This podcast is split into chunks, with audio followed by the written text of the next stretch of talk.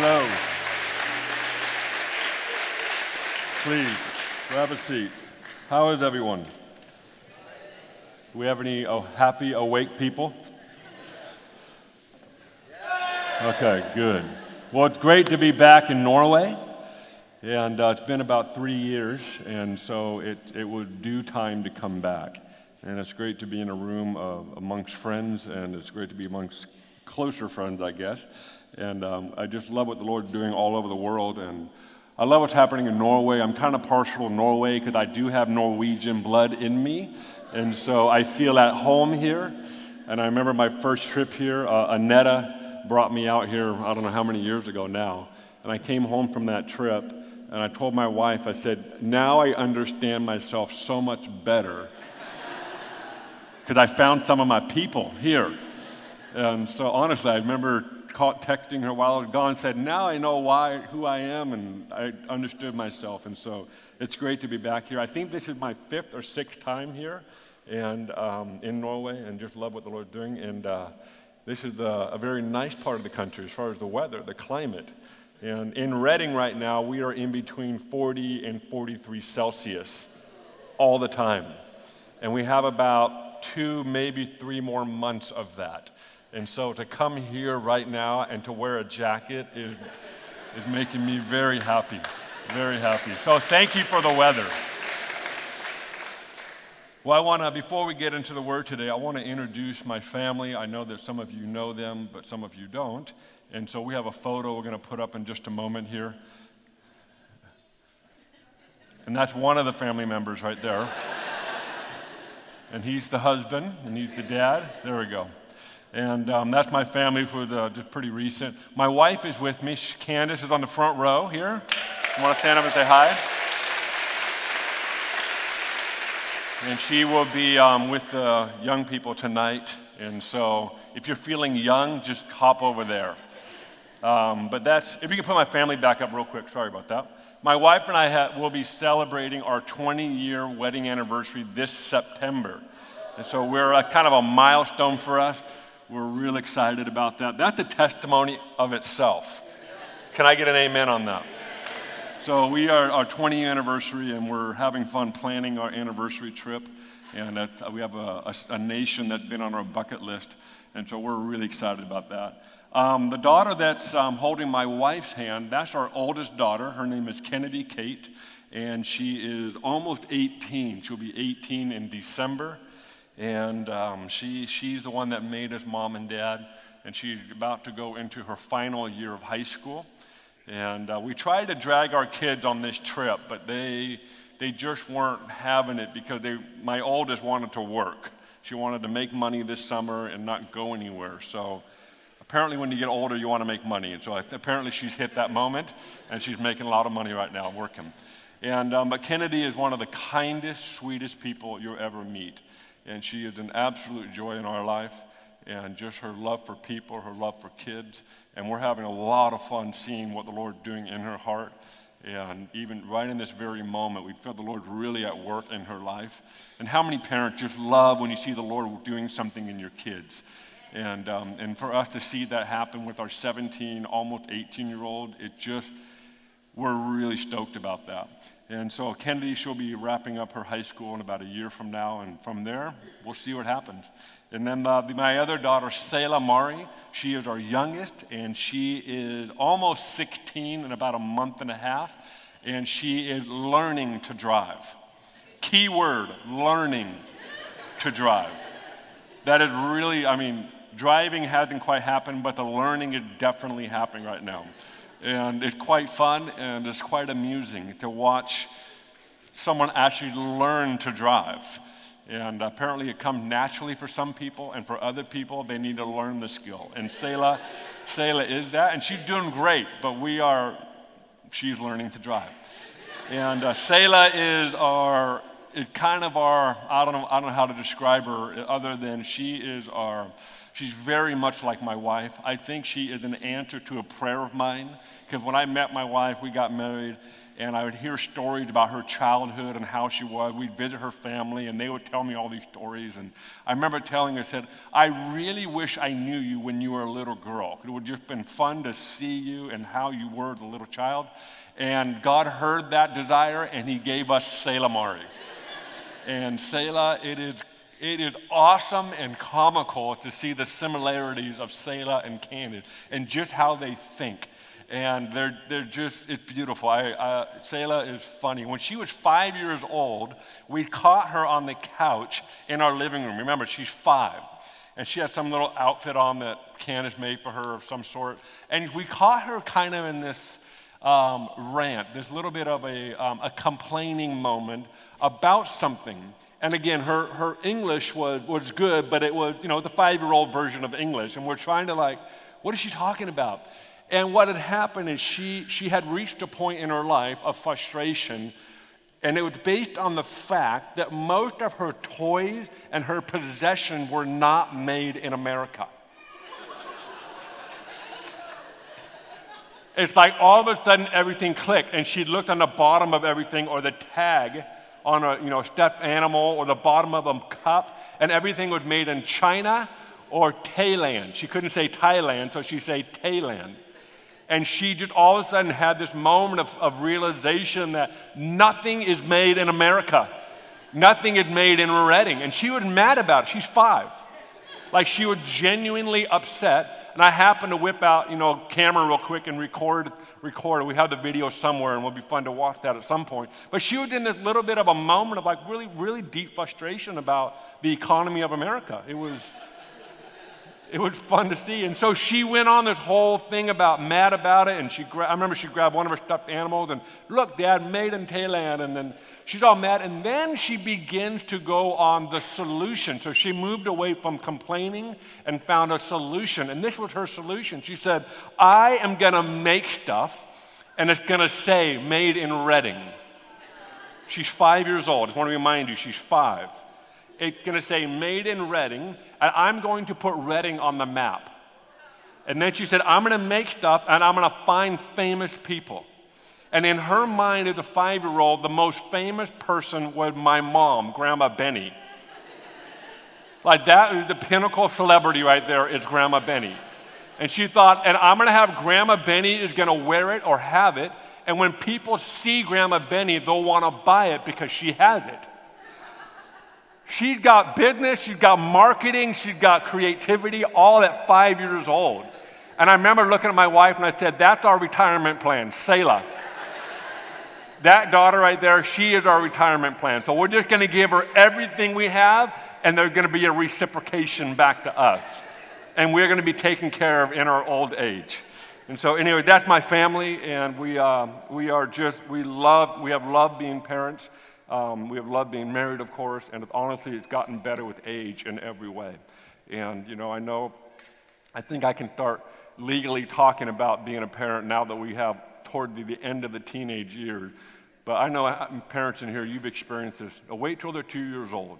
Wait till they're in junior high, or wait till they're in high school. And so we're, we're kind of past a lot of that, and we have genuinely enjoyed it and embraced it and it's been so much fun to see what the Lord's doing in our, in our daughter's heart. So if you could honestly be praying for our kids, because they're kind of entering into the season of life of free agency where high school is no longer there, and we're excited to see where the Lord launches them. And, uh, and I want Selah to make a lot of money because that would be helpful. So, okay. All right, you guys ready? That was two people. Are you guys ready? All right. If you have your Bible, just open it up anywhere. It's anything's going to work today. Now, I'll give you some destinations in a minute here. If you want to get your Bible open to Ephesians chapter 2, we're going to, we're going to read some stuff in there. I do want to share a quick testimony. I have a little bit more time than was planned, and so I'm going to take advantage of that. I want to, I want to share a testimony. This happened just pretty recently, back in April.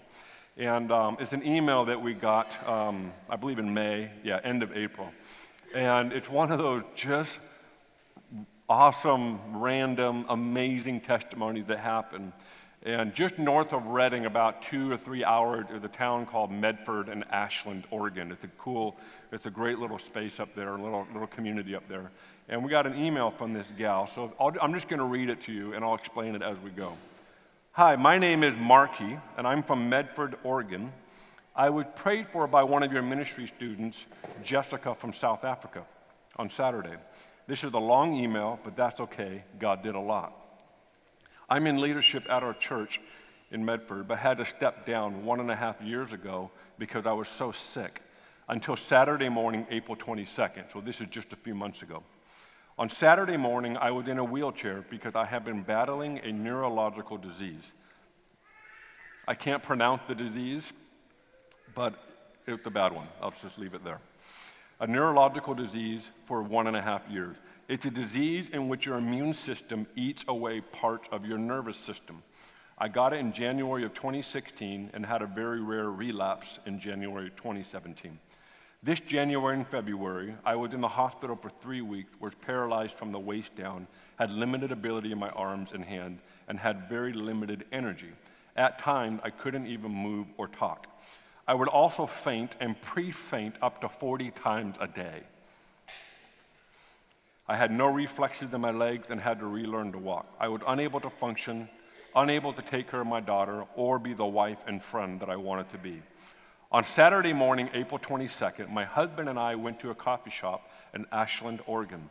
It was at a different coffee shop than we normally go to. I wheeled in my wheelchair because that morning in particular, my feet wouldn't pick up off the ground. And I had to shuffle them to move my legs at all. As we sat for about an hour and spent time together, when we left, we were followed by a girl. I love that, followed by a girl who came up to us in the parking lot where we were parked and said, Hi, my name is Jessica. I'm learning how to hear God's voice, and I would really like to pray for you. She told me about how she was from Bethel, and I could have leapt for joy. Little did she know we had been contending for healing for so long. She said that she had just been reading a book in the coffee shop in the book, there was a woman who was healed and never needed her wheelchair again. So while this couple were having a cup of coffee, the student was reading a book about someone getting out of a wheelchair. And the second she finished that story, we wheeled into the shop and the Holy Spirit fell on her. He told her she needed to pray for me. So she did. While she was praying, my right leg started involuntarily convulsing and contracting. I was trying to calm it down and could no matter how hard I tried. She also prophesied over us and our church that we were headed into a time of revival and that we would be the catalyst. She then prayed for my husband, and then we prayed for her, got a contact info, and left. In the truck, my left leg started contracting violently. My left leg was the weaker leg and had farther to go to heal. It felt like it was being shot, or maybe like someone was scraping my nerves. I guess regrowing nerves and muscles hurt. It was kicking on the floor of our truck involuntarily, then it calmed down. And I decided I wanted to try to get out of the truck and walk. So I got out and walked normally. I walked around the truck twice without any issue. So then I felt like maybe I wanted to run. So and my husband recorded me, and I sprinted the 50 yard dash. So we, act, I don't have it on me, but we got sent a video of the husband of the wife running across the parking lot sprinting. Remember, she was in a wheelchair just a few minutes before, and she's sprinting across the parking lot. I had been longing to run for months and months. While I was running, laughing uncontrollably, my non crying husband was bawling his eyes out. How many non crying husbands do we have in the room? Wives, how many husbands do we have that don't cry? Raise your hand. Well, on the video, the actual the phone video that we got, you could hear the husband just weeping because his wife is running across the parking lot. Our lives are forever changed. Not only Jesus healed my nerves and muscles, he also healed my cardiovascular system, which is controlled by the nervous system, and also my energy. Um, this disease she had, um, the, the cell don't produce the correct amount of energy, and if you do too much, you can have energy for low days, sometimes in which you cannot move or communicate. Since I got healed, I've been able to do all caps, anything I've wanted. And then it goes on and on how she shared the testimony in her church, and it just literally blew up, and they're having a, a move of God happen in their church, which was part of the prophetic word that that girl prayed for her in the coffee shop. Anyway, isn't that amazing?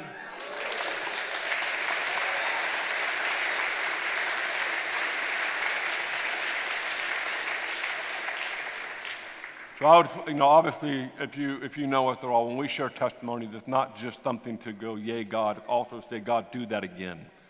And so if there's anybody in this room, I know we're going to be praying for people throughout the course of this week. And um, I know that on some of the night sessions, we're going to be doing that. Um, but just for now, I just want to just say, if there's any, any of you or have friend or personally you have anything wrong with your cardiovascular system or your neurological system, just take that testimony to heart and uh, just take a hold of it and hold on to it because I know the Lord's going to heal people today, tomorrow, and the rest of this week. That's just what the Lord is doing. He's bringing, he's bringing wholeness to the body. Amen? And so, Father, right now we pray for anybody in this room that has any of those conditions, any condition that causes any form of immobility or disability. We speak life and healing in Jesus' name in this room. We say yes to this testimony and we say, God, do it again. Say that with me do it again. Let's try it one more time. Do it again. Amen. Amen. All right, you guys in Ephesians chapter 2. Ephesians chapter 2. What I want to do today is I'm, I'm, I'm, I'm wanting to lay a little bit of a groundwork. Uh, I want to build a little bit of a framework for um, what I want to try to cover today, and then I believe on f- the next time I talk, I forget what night, I think Saturday night um, in here. And tomorrow night I'll be with the young people, which I'm looking forward to. Um, but I want to lay a little bit of a groundwork today, build a little bit of framework, and then um, we'll go a little bit far. I have places I want to go with you guys, um, things I want to try to build in, in you. And I know that we have churches represented from all over Norway in this room right now, and so I think it's, which I think is amazing. I think it's amazing when, when churches are, are gathered together in one place. It is, it is one of the most important ingredients in the Bible for a revival, for movement, is when people gather one heart, one mind, and one accord. And that's what's happening in this room right now. So I'm really excited about what the Lord is doing and what He's about to do. So, Ephesians chapter 2, is actually, verses 1 through 10, we're not going to read all 10 verses, but verses 1 through 10 are actually, um, in my opinion, probably probably some of my more favorite passages of, passage of Scripture. And I'll tell you why, because I believe those 10 verses alone actually summarize the entire message of the gospel.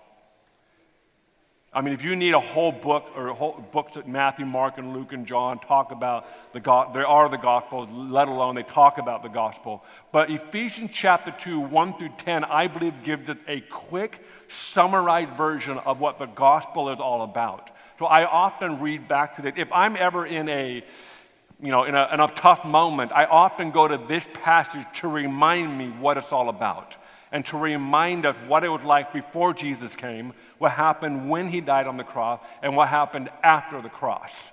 And so to me, Ephesians chapter 2 is one of the, one of the premier descriptions of the gospel. And obviously, it's sitting in the book of Ephesians. Ephesians, by many, is called the Alps of the New Testament. It is called one of the best books in the Bible, and of course, one of the best books in the New Testament. Why? Because the Apostle Paul, which how many are thankful that Paul went to prison every now and then? I'm really glad. I don't know Paul liked it, but I'm kind of glad that Paul had that calling in life to be in prison a lot so he could write letters that you and I could draw from thousands of years later. I'm kind of thankful for that. And so, Paul, he, most of his letters, if you've read any of his books, Paul, Paul um, he could be kind of strong at, at times. He, he could kind of drive in the sword and, and convict you. But Ephesians is a very different book than that. A lot of his books, he's correcting, he's saying, he's calling people out. I mean, he is getting ruthless. But Ephesians is an entirely different book. Aside from Ephesians, I love the book of Philippians, which we're actually going to read in just a moment. Not the whole book, just a verse in the book. But Ephesians is considered the Alps of the New Testament. It is, it is a massive exhortation. It is a, a communication of an expression of his love and God's love for the church. And so here we are. We're going to read a verse in chapter 2. We're going to start with verse 10. And we're just going to read that verse. But I wanted to give a little bit of a context for this verse and the context around it. So, verse 10, it says this For we are his workmanship created in Christ Jesus for good works, which God prepared beforehand that we should walk in them. Let's read it one more time. For we are his workmanship, created in Christ Jesus for good works, which God prepared beforehand that we should walk in them. Now, that verse is actually in this passage 1 through 10, it's after the cross. When Jesus died on the cross, he took you from a place of of sin, lust of the flesh, brought redemption, and then launches you in what Paul says we are his workmanship. Another word for workmanship is actually masterpiece. And I found out this morning that the actual word in the Norwegian translation means we are his masterpiece. What I believe is a much better, especially for a modern day, it's a much better description of what Paul is trying to communicate that we are his masterpiece. Now, one of the challenges we have with that word is the word masterpiece in a earthly sense, in a natural sense, is something that happened every now and then. A couple summers ago, we were able to take our family, our daughters, to Paris for a few days. And we, just, we, had, we had Paris and London on our bucket list. And, and, you know, have you ever taken a teenager to a museum in Paris? Yeah, we have. And it's, um, it's an experience because they don't want to be there. And we're like, what is your problem? We are like in the midst of some of the most expensive, exquisite masterpieces ever created by humanity, and you don't want to be here?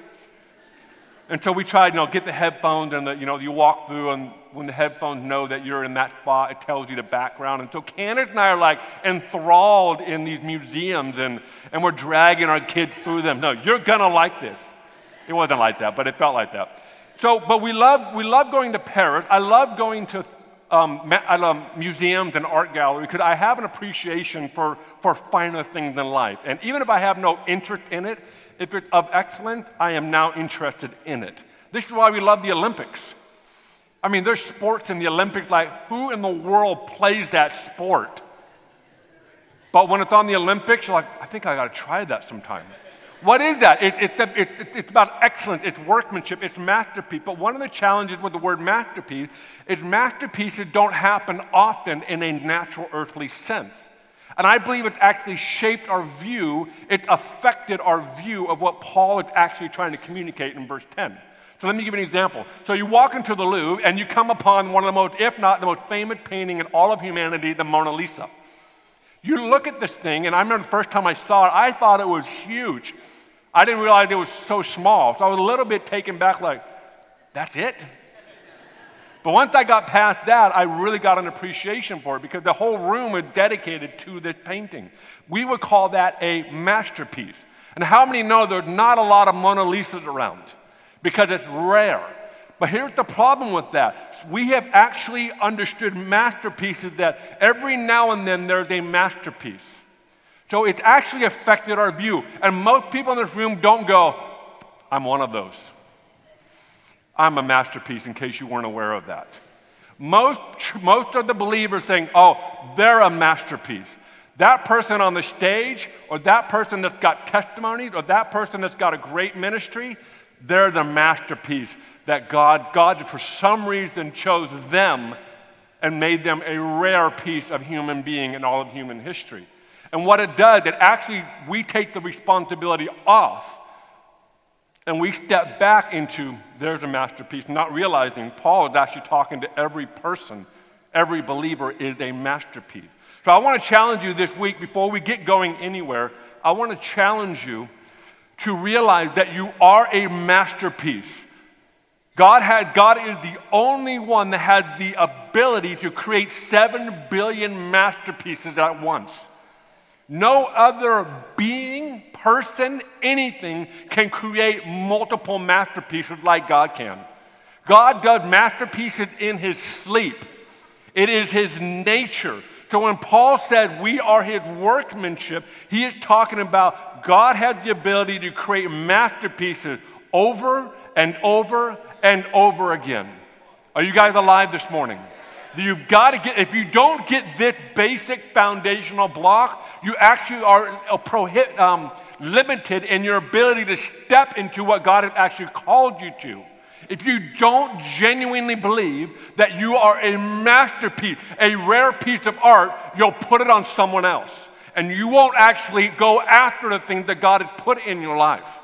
So you have to get this. If you don't get this, you'll just live a nominal Christian life and celebrate everyone else's great thing they do for the Lord. And that's not what Paul's talking about. Paul's saying, You are a masterpiece and you have been created to do good things for the Lord.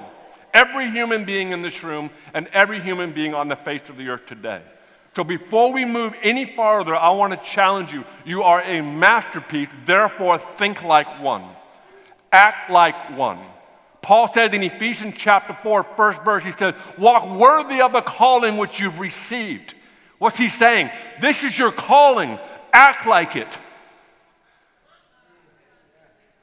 Don't think down here of someday. Some man, I hope someday I get up to that thing that God called me when I was 12 years old. No, God's saying, that's who you are, therefore that's who you are. Now, present, not some other day. Are you guys alive? So go to um, Philippians, sorry, go a couple pages later, go to Philippians chapter 1, verse 6. I'm going to get excited here, so just bear with me.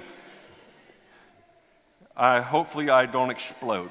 Philippians chapter 1, verse 6. Being confident of this very thing, that he, who's he? Jesus.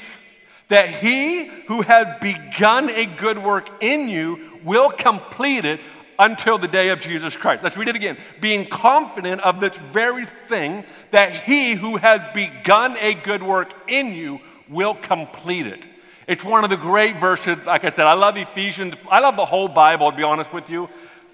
I have a lot of favorite passages in the Bible, and they range from Genesis all the way through Revelation. But this verse right here, I love it because it actually it changes the game. And I'll tell you why it changes the game. Most Christians read that verse and they go, Yeah, Jesus began the work in me, but now it's my responsibility to complete it. We might not actually say it, but that's what our lives demonstrate. Oh, Jesus saved me, but I'm the one that's got to get there.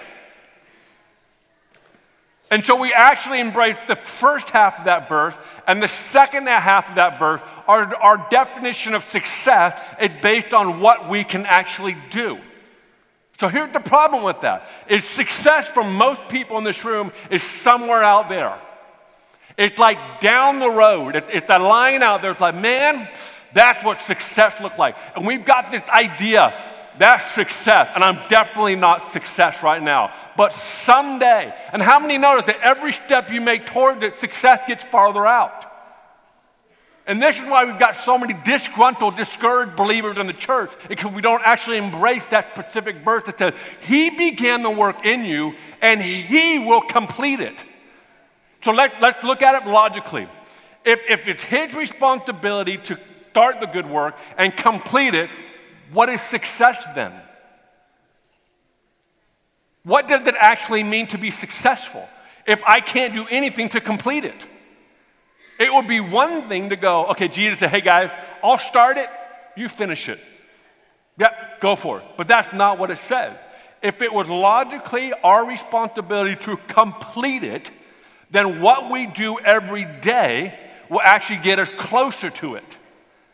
The problem with that is that's not how it works. It's not based on what I do. So, what I do today, man, I one step closer. It's not. It's just, that is not the premise. So, I need to destroy some of our perceptions of this verse, and we need to rebuild it around the question what is success? It's a genuine, legit question to ask. Ask, what is success then? If it's not anything I can do to get there, then what is it? If Jesus is fully responsible to begin the work in me and to get me wherever that is, then what is success? Let me challenge you. I believe what success is to the kingdom minded believer is this is I'm faithful in the process. It's less about getting somewhere as it is about what I'm being faithful with in front of me right now. Now, that shouldn't take away any ambition or any desire to go farther, because that's the other half of the story. But that is based on the faithfulness of what you do in the moment. How many know that Jesus' definition or version of promotion is way beyond our version of promotion? He's like, hey, listen, if you take care of two talents, I'm going to give you cities. That is called massive promotion.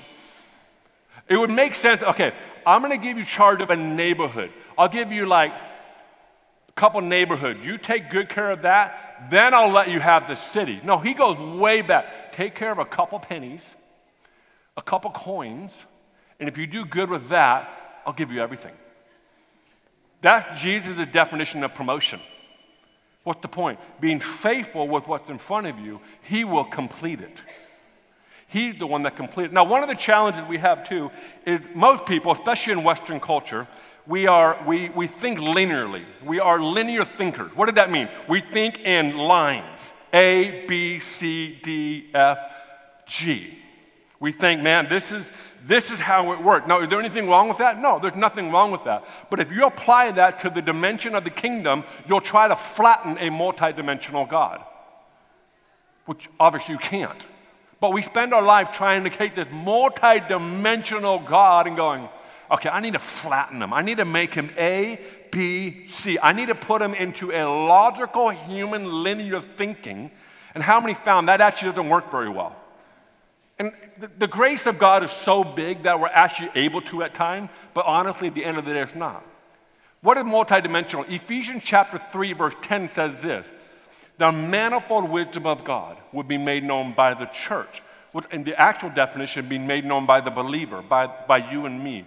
Our responsibility is to make known to all principalities and powers the manifold wisdom of God. So, what does manifold wisdom mean? I don't know what it translates into the Norwegian, but in the English Bible, manifold means this multi, excuse me, multifaceted, multidimensional. Meaning, no matter how you look at it, you move it this much, you see something else. You know the angels in heaven? They say, Holy, holy, holy is the Lord. And after they say, Holy, holy is the Lord, they bow down. And when they look back up, another aspect of God had just been revealed.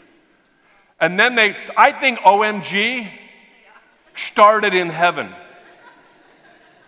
I don't know if you have that thing here in Norway, but OMG, oh my God.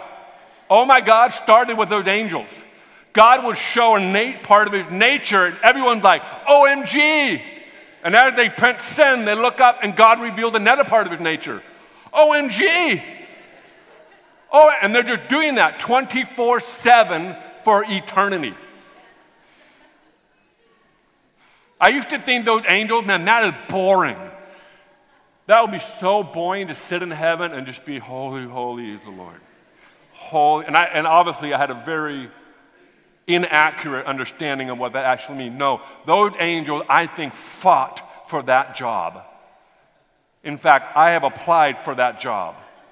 I said, God, when I get to heaven, I want to be one of them.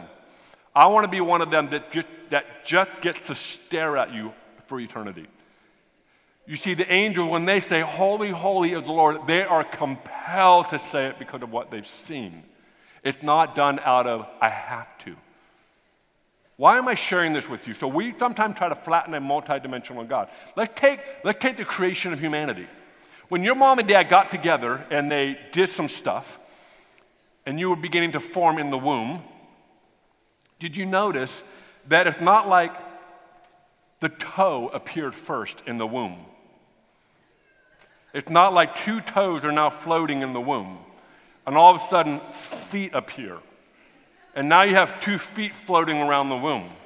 And all of a sudden, legs and ankles start, knees, and oh, there's the hip, and then the legs find. That's not how we were created. I bet you if you and I created humanity, we'd be like, yeah, let's start with the feet and let's work our way up. That would very, be very linear. I know that's a weird illustration, but just bear with me. Are you guys alive? It's very like, yeah, let's start from here. Let's start from the head and let's just work our way down. That is not how you and I are actually created in the womb. So there's actually a multidimensional aspect to us. When we were created, when the sperm met the egg, the first developing, first developing functioning organ, developed functional organ in the human body is the heart. Once the heart is developed and it's functioning, the rest of the body grows from that point. We grow multidimensionally spirit, mind, and soul. Are you following me? Isn't it interesting that we look at our walk with the Lord? He who began a good work in me will complete it. We're like, okay, God, I'm going to start here A, and you're going to get me to B. Then we're going to go to C. And then we're going to go to D, and we're going to work our way down that linear. And so what happened is when God prophesied over our life, we get all these promises. Problem is, we've already got it figured out. Oh, this is how it's going to happen. God called me to the nation, so it's going to look like this A, B, C, D, E. And guess what happened? None of that happens. God thought, nah, I'm going to take you to numbers for a while. You thought you were going to go to B, and God's like, no, we're going to jump to number 10. And you're like, well, what about 1, 2, 3, 4, 5, 6, 7, 8, 9? And God's like, no, I'm going to just put you at 10 for a while. So finally, 10 years later, you're like, okay, I like my number 10. Can we go to 11 now? And God's like, nah, I'm going to take you over to Roman numerals. You're like, God, what are Roman numerals? He's like, just trust me. What is God doing? He doesn't follow a linear process a lot of the times. So, this is one of the reasons why I think we get so frustrated as believers because we're trying so hard to make sense of the journey the Lord has on us. But I wonder what it would be like if we actually trusted the Lord, that He began it, He will complete it. If we actually trusted Him and embraced what's in front of us, we will actually become everything that He's called us to be. And one of the other challenges, we're always looking at the people next to us. How come they're farther down the road than I am? I've been saved for my entire life and they got saved last week. How is that even possible? That they are farther down the road of success than I am when I've been serving the Lord for 41 years. I know none of you do that in Norway, but in America, we like to compare ourselves. How come? Have you ever noticed the parable of the talents? You got one guy that would give given five, one guy that would give given two, and one guy would give given one. I've noticed I'm always the guy with two, always. I can always find someone that got five. And I can always find someone that has one. So I think oftentimes in life, I think the number two guy, two talent guy, is what most people in this room relate to. Like, yeah, I can always find someone that has more. And we're like, how come they got more? The key is this each according to his own ability. Each according to his own, to their own ability. Why is that important? Because if we would just simply embrace the work the Lord has done in us, then I wonder what our journey would look like. I wonder what our encouragement levels would be in our life. One of the dumbest questions I think the church asks, it might offend some of you, but I'm okay. I'm from America, and you have wonderful leadership that can clean up any mess that I make. But I think one of the dumbest questions the church can ask God is this What is the will of God for my life? Got quiet, I knew it would. It's actually, I think it's, I want to be careful, I don't want to exaggerate, but I do think it's somewhat short sighted. I do think it's somewhat limited in our understanding and perception of God. When we go, God, what is the will of God for my life? What we most of us mean when we say the will of God, what am I supposed to do today? What job am I supposed to take? What city am I supposed to move in? What am I supposed to give my life to? I don't think that's the right question. Because when you're in the kingdom, I've shared this before in Norway, so if you heard this before, just bear with me. In the kingdom, the light is green until it turns red.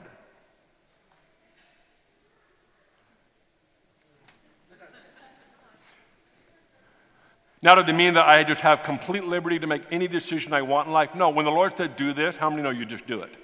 But how many have ever noticed that most major decisions in life, the Lord says nothing? Do they not, that, that, is that an American thing? Or, okay, all right. Have you noticed that, ma- like major decisions, like am I supposed to move across the country or move to another nation? And you're like, God, what am I supposed to do? And God got the button of heaven that says mute and he tells all of his angels, all of his prophets, don't talk to Eric. And I'm like, that is when I want God to talk to me, is in that moment. But yet you go to the grocery store and you buy ice cream, and God's like, buy vanilla. So for some reason, God cared about ice cream, but doesn't care about what I'm supposed to do with the rest of my life. How many of you ever noticed that? Why? Because in the kingdom, the light is green until it turns red. He trusts you more than you trust yourself. He actually believed that you know how to make a good decision. He actually believed that you are embracing the thing that He's doing in you and He will complete it. If my children, when they turn 21 years of age and they are still begging me, God, Dad, what should we do with our life? Then my wife and I have not raised our children well. It makes sense when a little child says, What should I do? What should I do? When they're little. But when they come of age, when they mature in their own journey of life, they should be in a position to go, I know how to make good decisions. I know I got a little off track, so just bear with me. So we try to flatten a multidimensional God. We try to, we try to actually take this, this journey and we try to say, well, what's the will of God for my life? And we try to get it all buttoned up. But I bet you everyone in this room can look back and say, yeah, I didn't plan my life the way it actually went. Like, I never thought I would do that. I never thought I'd live there. I never thought I would be in that community or this job or this or that. But isn't it amazing when you look back on life, you say, Oh, I know what the Lord is doing. I just didn't see it in the moment. So I want to challenge you there has to be an accurate framework, a, a, a foundation that we're actually standing on, that we are His masterpiece. He is actually creating us to be one, and He will continue to make us one. We are His masterpiece. Now, we do live in a day and age where, where before I go there, there, there I think there's some practical steps that we can take, and I, I want to share a few stories that, that I think will help us to figure out who we are in the Lord. And uh, just to go back up another step, I said the will of God is really not a smart question. I think the better question that you and I should be asking God, what are you building in me? What are you actually building in me in this time of life? Remember one time I was praying for a lady, and uh, it, was a, it was Sunday morning service, and it was actually up front where I normally stand. And she came up to me and she said, You know, I've, I haven't heard the Lord speak to me in, I think it was months. I can't remember. She's like, I, am in a really dry season right now. And I, I just, I don't know what I'm doing. I don't know if I made a wrong decision. And, you know, we all hear those stories. And I was like, I would genuinely have a compassion for her. And I was like, okay. Said, Can you pray for me? I said, I'd love to pray for you, but let me ask you a question. I said, What is the last thing that God talked to you about? What is the last thing that He actually was talking to you about? And her initial response was, I don't know, it's been so long. I said, I know, you're, you're caught up in the emotional, you know, trauma, not trauma, but drama around, God hasn't talked to me, and, and she couldn't, couldn't remember. And I said, close your eyes for a moment, let's just pray. I remember praying, Holy Spirit, remind her what you were speaking to her the last time she heard your voice. Remember, it had been a period of time that she said she hadn't heard the voice of the Lord. And so finally she took a deep breath and she kind of just chilled out for a second and she goes, she opened her eyes and I said, okay, what was it? She said, the Lord, the last thing the Lord was teaching me was joy. How to be joyful. And I said, how are you doing with that? And she goes, hmm. And she walked away. What's the point? She now realized, oh, I'm supposed to learn to cultivate joy because the Lord is preparing me for what I was stepping into. You see, a good teacher always prepares you for the test.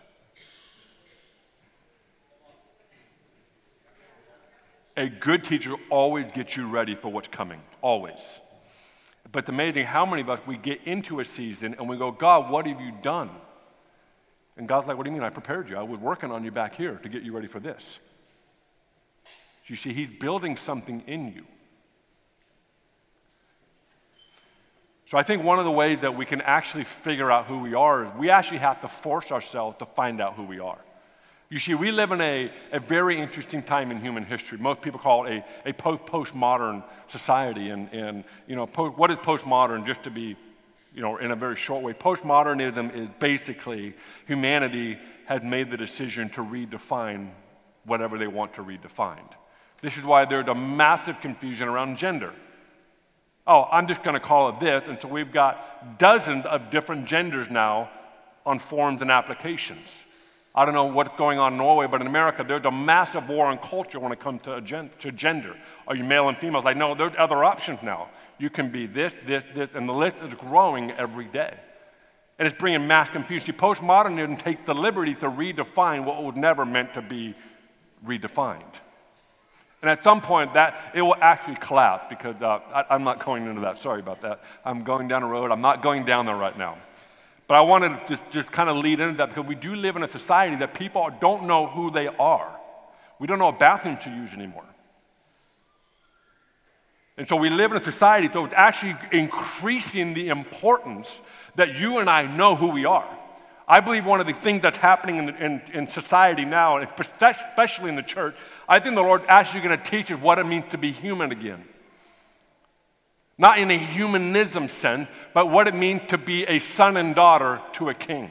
What it means to be human. Because right now, all of humanity is defining humanity by what humanity wants. But the only way you can define humanity is if Jesus defines you. If you don't let Jesus define you, you will define him. You will create your own Jesus if you don't actually submit your life to Jesus Christ and don't let Him define you, you will create your own Jesus. so we live in a society where our number one goal is to get as comfortable and as convenient as possible, which I love. I love air conditioning, especially in Redding, California, and right now 40 to 43 Celsius. I'm so thankful for air conditioning, and I'm so thankful for the pool that I have in my backyard because it's so hot. So I appreciate the, the convenience and the comfort levels, but what it's actually doing, it's actually taking us away from moments to find out who we really are. We actually don't put ourselves in positions that are so far over our head to actually test us to see who we really are. We now avoid conflict, we avoid discomfort, uncomfort, inconvenient. I'm just going to make my life as smooth as possible. And so what we have is we have a, a Christian family of, be- of community of believers living life with never experiencing something bigger than themselves. So it's essential that you and I look for opportunities to sign up for something that is bigger than us. Because it is in that moment you begin to realize who you really are. Can I get an amen or something from you? So when I was, I was 12 years old, 12, 13 years old, and my, my youth pastor was my Uncle Bob. Six foot six, big guy, and he, he's very large. He's a big, large man. No, I know a lot of you know him. And Bob was my youth pastor. So imagine that. My Uncle Bob is my youth pastor. And he decided, I'm going to take a group of junior hires and freshmen and sophomores in high school, so basically 12 years old to about 15 years old, I'm going to take them to China to smuggle Bibles into China. This was when Hong Kong, before Hong Kong was still under the British rule, and this was in 1990, I think 1994 is when Hong Kong went underneath the Chinese rule. So Hong Kong was a free zone. So we based out of Hong Kong and we smuggled Bibles directly into China. And I'm thinking, my parents let me go, for one. They actually said, yeah, take our son. And I'm now, I'm now parent of a, you know, 16 or 16 and 18 year old. I'm like, oh my gosh. Sm- like it's illegal to smuggle Bibles into China. Like it's flat out illegal. Yeah, send our junior hires to go do it. So here we are. We landed. We land in Hong Kong. It was the first time I had left the continent of North America was going to China. So here we are, we're just like, oh, you know, we're taking pictures of everything. The first, first, you know, meal we've had on a plane, the first time we've seen, you know, I mean, it just, that, that's how new we were to, to the world. It's just like, oh I've been to Mexico and that was it. So we're just like, you know, we've got, we've got, you know, we look like tourists to the max. You know those uh, little pouches where you put your passport and you hide it? I mean, we were really into that, like which one's better, you know. And so we were like total full blown tour, junior high kid, landing in Hong Kong. And our guide, our Bible smuggling guide, his name was Mark. Now, Mark was a, he was a missionary, um, he was an American missionary in Asia, in China specifically. And we went to the training. And so, what we would do is, since we came with suitcases, we would take all of our clothes out of our suitcases. So, our suitcases became the, uh, the carrier of the Bible. And so, what we would do we'd get the suitcase open, and we had all these Bibles in Chinese, and we stacked them in there. And then he said, Bring a couple shirts and just cover the top. So, if they happen to open it, they see a couple t shirts. Well, the problem is a suitcase full of Bibles is dramatically heavier than a suitcase of clothes. So all the person had to do was move the t shirt and see stacks of Bible. So here I am, 12, 13 years old. My suitcase was over 100 pounds. I don't know what that is in kilos. It's very heavy. It was the same weight as me.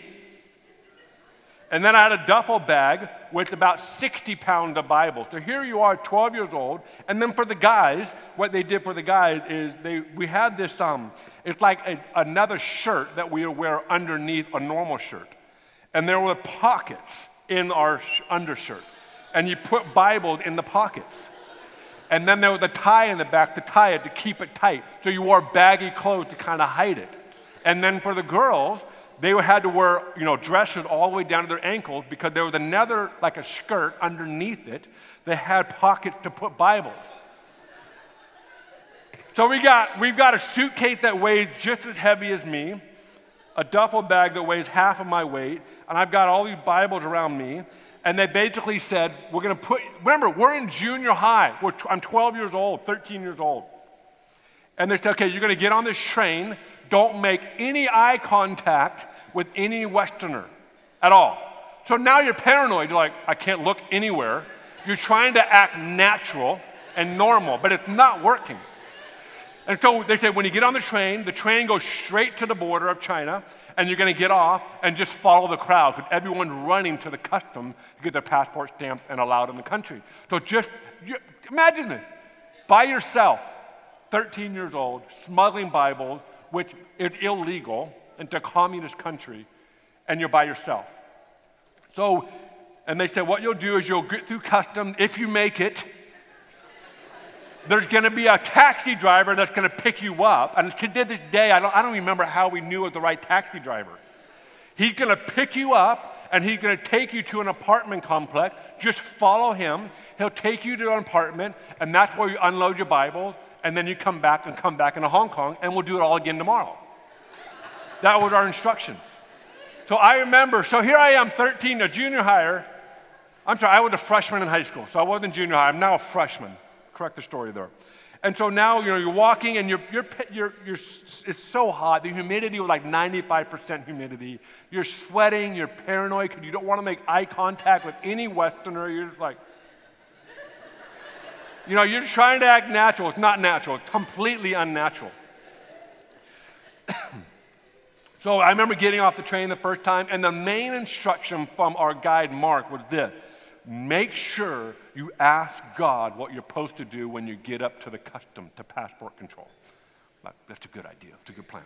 Because what they would do, you would have to put all your stuff on the x ray machine, and they scan your suitcase or your, your bags. And he said, just make sure you hear the Lord in that moment. So I remember walking up and I'm like, God, what do I do? And I had this plan. My plan is to sneak around which is so dumb. But remember, at that age, that frontal cortex is not developed yet. So you don't really think through. You're like, oh, I'm going to do this. I'm going to jump off a building and we'll figure. Yeah. So I'm like, my plan is I'm going to find my right moment. When that guy turns, I'm just going to get around him and get out of there. So I remember walking up, and I, and I remember, I remember the Lord saying, put it on the suit, on the x-ray machine, which honestly is like, that's my only option really, unless I find another, I sneak. But he said, put it on the x ray machine. So I'm like, I'm busted. And the other thing, other thing I forgot to tell you, there is a lady, she's a custom border agent, and her name was the witch. That was her name. And every, Mark said, hey, there's one gal there. If you get busted and you meet the witch, it's not good. and so now we're like, okay, where's the witch? Who, who, which one's the witch? You don't know which one's the witch. So one of our gals got caught. They, they realized she had Bibles and they took her in the other room and, and she had a moment. She didn't get thrown in prison, thank God. But one of, our, one of our team actually met the witch. So I remember walking up, I put my bag on the x ray machine, and I'm thinking, I'm busted. I may never see my parents again. I am, I'm going to be living in China the rest of my life. And so I put my stuff on the machine. I go to the end of the machine, and I go to grab my bag. I look over the wall where the computer screens are, and all the people that are looking at the computer screen were not even doing their job. They were laughing, they were, they were goofing off. They weren't even looking at the machine. I was like, yes, God is helping me. So I grab my bag and I walk. Well, all the lines funnel into a tunnel, like a subway tunnel. So you've got, you know, hundreds of people funneling in a kind of a shuffle in there. Well, about, I'm, I, if I remember the tunnel, it's probably about from here to the back wall. And at the end of the tunnel, it goes right out into the street where our taxi is waiting. So you got to get through this last tunnel. Well, halfway down the tunnel, there's a podium just like this, and there's a Chinese guard standing there like this, full uniform, and he's got the sunglasses on that have the reflection so you can't see where his eyes are looking. He's just standing like this, just staring at everybody that's walking by. Well, here's the problem that thing that was around my waist, the back tie came undone. So now, those Bibles I'm hiding are doing that. They're falling. And I'm like trying to suck in my gut to get the Bible to go back up. And so I'm walking down this hall and the Bibles are leaning out, and I can feel this guy staring at me. I'm like, oh, I'm busted. So I'm like trying to figure out what to do, and I can, he steps, he steps behind his podium, and he starts walking, you know, he's coming down, I'm going this way, and I'm thinking, I'm busted. And it's like God sent this beautiful, elderly Chinese man in front of him. And the elderly man is just pointing at him, yelling at him. And the guard is like trying to push him aside to come toward, I'm guessing, me. But this little, this little elderly Chinese man is like wouldn't let him. He was just blocking him and just yelling at him. And so I picked up my pace and got out of there. Then I got in the taxi. I, I wish I could have given that guy a high five, but that wouldn't have worked. But I got in my taxi. They took me to the department, up the flight of stairs, and we walked into an empty apartment. And in the back bedroom, they opened the closet door, and there's Bibles stacked in there. So we unloaded the Bible, and the man there began to tell us a story. He's like, Thank you so much for bringing these Bibles. He said, The way we, the way we smuggle Bibles in China is we hand out a Bible, and every believer rips off a page and then hands the Bible to someone else. So, one Bible, however many pages there are, that's how many people hear about the one page of the gospel. And then when they memorize that, that one page, they find another believer and they trade pages. So that's one of the reasons I think the Chinese church is exploding today, because they found a system years ago of getting the message of the Bible out into the underground church. What's my point? Is I found out a lot about myself in that moment. And I think for some of us, we actually haven't signed up for anything that's bigger than us. We've only signed up for things like, I can do that. That is definitely within my range of abilities. I have a skill set to do that. You see, the issue, and there's no problem with that. Are you guys still with me? There's no problem with that, but the issue is this is that you're doing it according to your own ability. God actually wants to take you beyond your ability, and He gets the credit. So I want to challenge you sign up for something that's bigger than you. Sign up for something like, I don't know how to do that. That's what you sign up for. I've never done that before. That's what that's the booth you go to. Sign me up. I need to get out of my convenience. I need to get out of my comfort to find out who I am, to find out if I actually have faith in the Lord, to find out if I'm actually walking as a new creation, or am I just living a normal life? So I want to challenge the Church of Norway sign up for something that's bigger than you. I'm scared of doing it, then you should probably do it. I have this saying in our house with my daughter, my oldest, like she doesn't like to confront awkwardness or anything that scares her. And we have this saying, confront the fear, face up to it. And there's like this little saying of like, nope, we've got to go after things. We cannot let that control us. And I want to challenge you. We need to find out who we really are, but you've got to put yourself in position to find out who you really are. Are you guys alive? Okay, I got three minutes.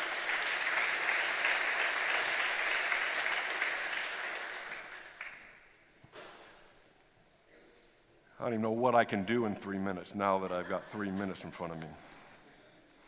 You know, let's just do this. Go to John 14. John 14. We're going to make this kind of quick. John 14, verse 26. Can you guys give me just a few more minutes? Three of you. Good. All right. But the Helper, the Holy Spirit, whom the Father will send in my name, he will teach you all things and bring to your remembrance all things that I said to you. Now go to John 15, verse 13. However, when he, the Spirit of truth, has come, he will guide you into all truth. He will not speak on his own authority, but whatever he hears, he will speak, and he will tell you things to come. So in John 14 and 15, we have two brief verses that talk about who the Holy Spirit is. Jesus is actually getting the disciples and the early church ready. Hey, the Holy Spirit's coming, and I have to go back, be, ascend back to my Father and sit at his right hand, and then the Holy Spirit will come. And he said, the description, he will guide you in all things, he will teach you all things, and he will help you to remember everything that I've told you. Now go to Acts chapter 2. I know a lot of us are very familiar with this passage, but I want to show you something that is really unique between John 14 and 15 and Acts chapter 2. So, verse 1 of 2. When the day of Pentecost had fully come, they were all with one accord in one place. And suddenly there came a sound from heaven as of a rushing mighty wind, and it filled the whole house where they were sitting. Then there appeared to them divided tongues as of fire, and one sat upon each of them and they were all filled with the Holy Spirit and began to speak with other tongues as the Spirit gave them utterance. Now, most of us are familiar with this passage, but if you continue to read it, there is mass confusion of what is taking place. Let me show you the contrast. John 15, 14, and 15, Jesus says, The Holy Spirit's going to come. He's going to comfort you. He's going to encourage you, and He's going to help you remember everything I've told you. Acts chapter 2 is a very different manifestation of the Holy Spirit than what Jesus said in John 14 and 15. Are you following me? The promises of God in four, chapter 14 and 15 are very different than the actuality of the promise in Acts chapter 2. This is why they're like, what is going on? This is not what we thought. They didn't even know it was the Holy Spirit, is my point. Like you and I are like, oh, that's the Holy Spirit. Yeah, but they didn't know that. All they knew is, oh, something is coming and we're going to be comforted, encouraged, and remind us of who Jesus is. And all of a sudden now the fire of God comes on them. There's pillar of fire above their head. They're speaking in languages they've never heard before. And other people saying, how do you know my language? Mass confusion. everybody's like, they are drunk. And like, what is going on? They did not know the Holy Spirit until Peter grabbed the microphone and said, Hey, everybody, listen up. In Joel chapter 2, this is that. What's my point? A lot of times God will promise something of your life, but He never tells you how it's going to happen. He never tells, often never tell you what it's going to look like. You see, we talk about new things. God wants to give new things. It's only new if you've never seen it. Okay, give me, just bear with me here. It's not new if you've seen it. A church, a believer that is not moving forward in the things of God will always make the past their destination. If you and I are not actively moving forward in our walk with the Lord, we will always talk about our past and try to do it again.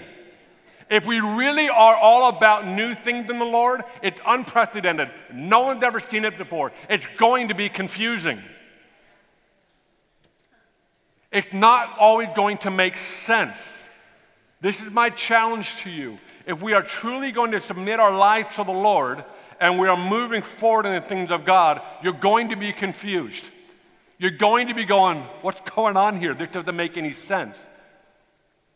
There has to be a, there has to be a decision inside of you to say, you know what? I'm in no matter what.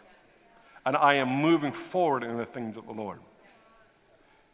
Why is it the church is more known about its past than its future? Why did the world define the church about what we've been, not where we're going? Maybe it's because the church has been so focused on just reliving good old days and not actually moving forward in the thing the Lord has for you. I'm going to end with that. Why don't you stand?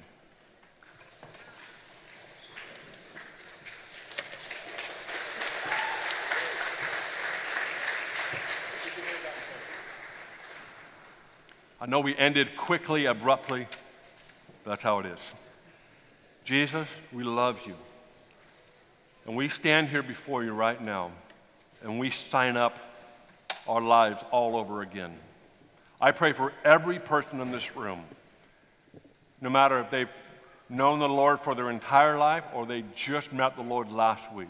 It does not matter. But God, we want to be saved all over again. We want to sign up and say, God, take us farther, take us deeper, take me deeper, and take the Church of Norway deeper into the things that you have in mind. And we don't want to be known for what we, where we've been. We want to be known for where we're going. And I pray for hope to come back into this room. I pray for the passion of the gospel would erupt inside of every person in this room. I pray for crazy faith to erupt in this room. That we won't just live a nominal life of just being great people, but we actually be risk takers. We be filled with passion. We would sign up for things that are bigger than us. I pray for the Church of Norway to go up a whole nother level in the coming days and months. A whole nother level. That some of the most courageous believers on the planet will be birthed out of this nation. Because that is Norway's history and it's Norway's future. So I pray for every person in this room would sign up on the line and say, God, we've signed it all up and everything is for you. Put your hand on your neighbor real quick and say this with me Jesus, everyone say this with me Jesus, mess them up really good. Rearrange their entire life. Do whatever it takes to get them moving forward. And everybody said, Amen. Amen. Amen. Bless you.